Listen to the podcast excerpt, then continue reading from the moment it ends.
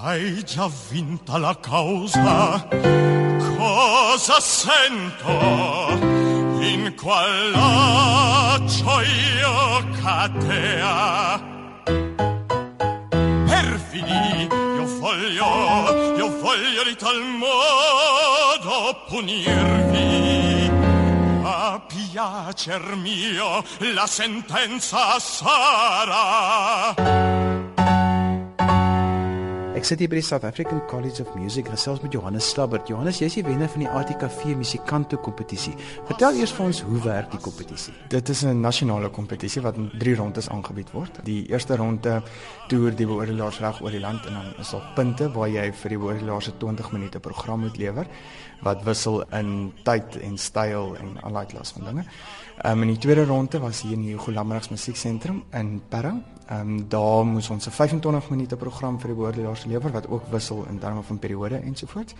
En dan die laaste ronde was ook in in die Golammerg Musieksentrum met die Kaap Filharmoniese Orkees en daar was die aand soort van opgebreek in 'n soort van 'n gala konsert waar elke ou tussen 10 en 15 minute se musiek moes lewer. Die ATKV se musikante kompetisie, waarop fokus dit spesifiek want jy's 'n bariton? Ja, dit dit, dit fokus nie op 'n spesifieke ehm um, stemsoort nie. Ehm um, dit is dit is vir klassieke sangers across the board. Van die hoogste sopran tot die laagste bas word almal onder dieselfde kam geskeer, so die kompetisie is sterk.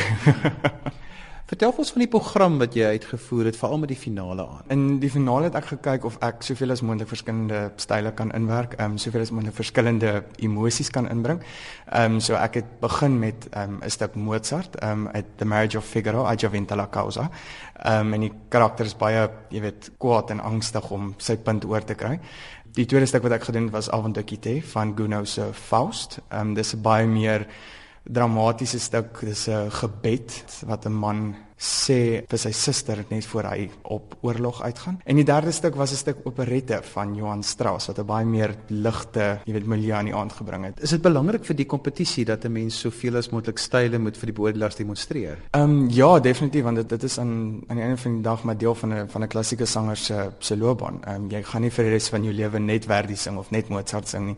Jy moet al die style kan baas raak. Wat het vir jou laat besluit om musiek jou loopbaan te maak? Lang storie. Nee, ek nog op my hele lewe lank het ek musiek as vak gehad. Ek het elektroniese ehm um, klaverbord gespeel op skool en ehm um, nooit geweet ek kon sing nie. Ek was van plan om die wêreld se beste ekonom te raak toe ek toe ek hier graad 9 graad 10 was. En ehm um, toe een aand op 'n musiekaand wat ons moes reël vir punte, um, was ek een item kort op die program gewees en toe het ek Angelo Webber se uh, Wishing You Were Somehow Here Again. Sommige net opgevoer want ek was 'n item kort op die program en toe ja, dit het van daar af gegroei. So dit was nog nooit altyd die plan gewees nie. Om 'n kompetisie soos die ATKV musikant te wen, wat beteken dit vir 'n mens se loopbaan? 'n Groot lot. Die die die ATKV is die grootste klassieke sangkompetisie in die land. Vir vir 'n mens om hier die ATKV te wen, daar is nie eintlik verder wat 'n mens kan gaan kompetisie gewys hier nie. Dit beteken verskriklik baie vir 'n mens se loopbaan plaaslik. Hulle maak vir 'n mens 'n groot hoeveelheid deure oop vir optredes, ander kompetisies, jy weet, um, om saam so met groter orkeste te gaan sing en en en.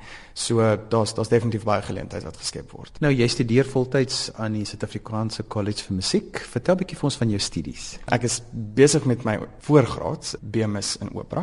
Dit uh, is 'n 4 jaar graad wat die hele boks en daai dek van tale, ons met drie tale baas raak as ons die dag hier klaar maak tot jou sang, musiekgeskiedenis, musiekteorie wat dan nou alles oor 'n 4 jaar tydperk versprei word. Ehm um, maar wat die oorwonderende hoeveelheid van ons tyd opneem is die opera repetisies. Ehm um, wat ons gewoonlik hier so 1 uur 2 uur neem maar al begin en dan so 9 uur 10 uur in die aande mee klaar maak.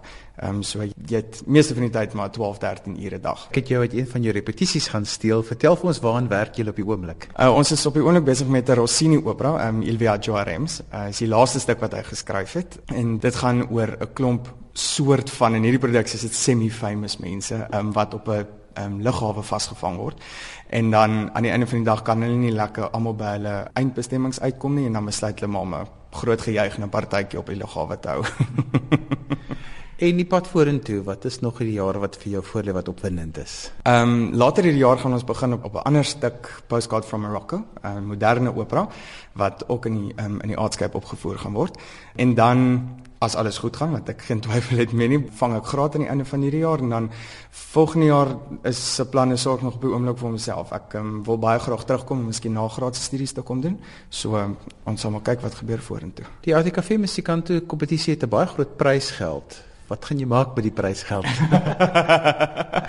Is altyd almal hier rond vra vir my, jy weet, wanneer vat jy ons uit vir aandete, wanneer gaan koop jy vir ons iets om te drink, jy weet, maar ehm um, dit is dit, dit is vir my absoluut kardinale daai geld in verdere studies en nog kompetisies en nog audisies en 'n mens 'n mens kan nie opgroei in hierdie bedryf nie. As jy daai geld in verkeerde plekke gaan indruk dis dis net nie moeite werd nie. Opera bring sy eie uitdagings ja ag dit is ek bedoel veral soos X en soos X en Mozart en Rossini ek bedoel Rossini het jy weet hy gee vir jou een lyntjie en dan herhaal jy dit vir 10 minute lank deur die aria um, en om vir elkeen van daai lyne 'n ander intensie te kry um, en vir elkeen van die herhalings 'n ander aspek van karakter deur te bring. Jy moet 100% gefestig wees in wie en wat die karakter is. Um, as jy enigsins twyfel oor selfs is dit hoe my karakter gaan loop, is dit hoe my karakter gaan reageer, dan gaan jy nie suksesvol wees in in, in dit wat jy probeer doen nie. wat is jou grootste droom om te verwesenlik binne die klassieke musiekwêreld? My grootste droom ek ek was in 'n verskriklike voorregte posisie dat een van my grootste drome het laas jaar tot die lewe gekom. Ek het um, Figaro in die Barbier van Seville gespeel in Kaapstad Opera. Ehm um, dit was nog my hele lewe lank een van my grootste drome gewees. Ehm um, so ek is baie bevoorreg. Die die volgende een en een wat ek definitief nie binnekort gaan kan aanpak is Rigoletto van Verdi. Ehm um, dit is nog 'n hele paar jaar voor ek daar gaan uitkom. Mi fa jubilar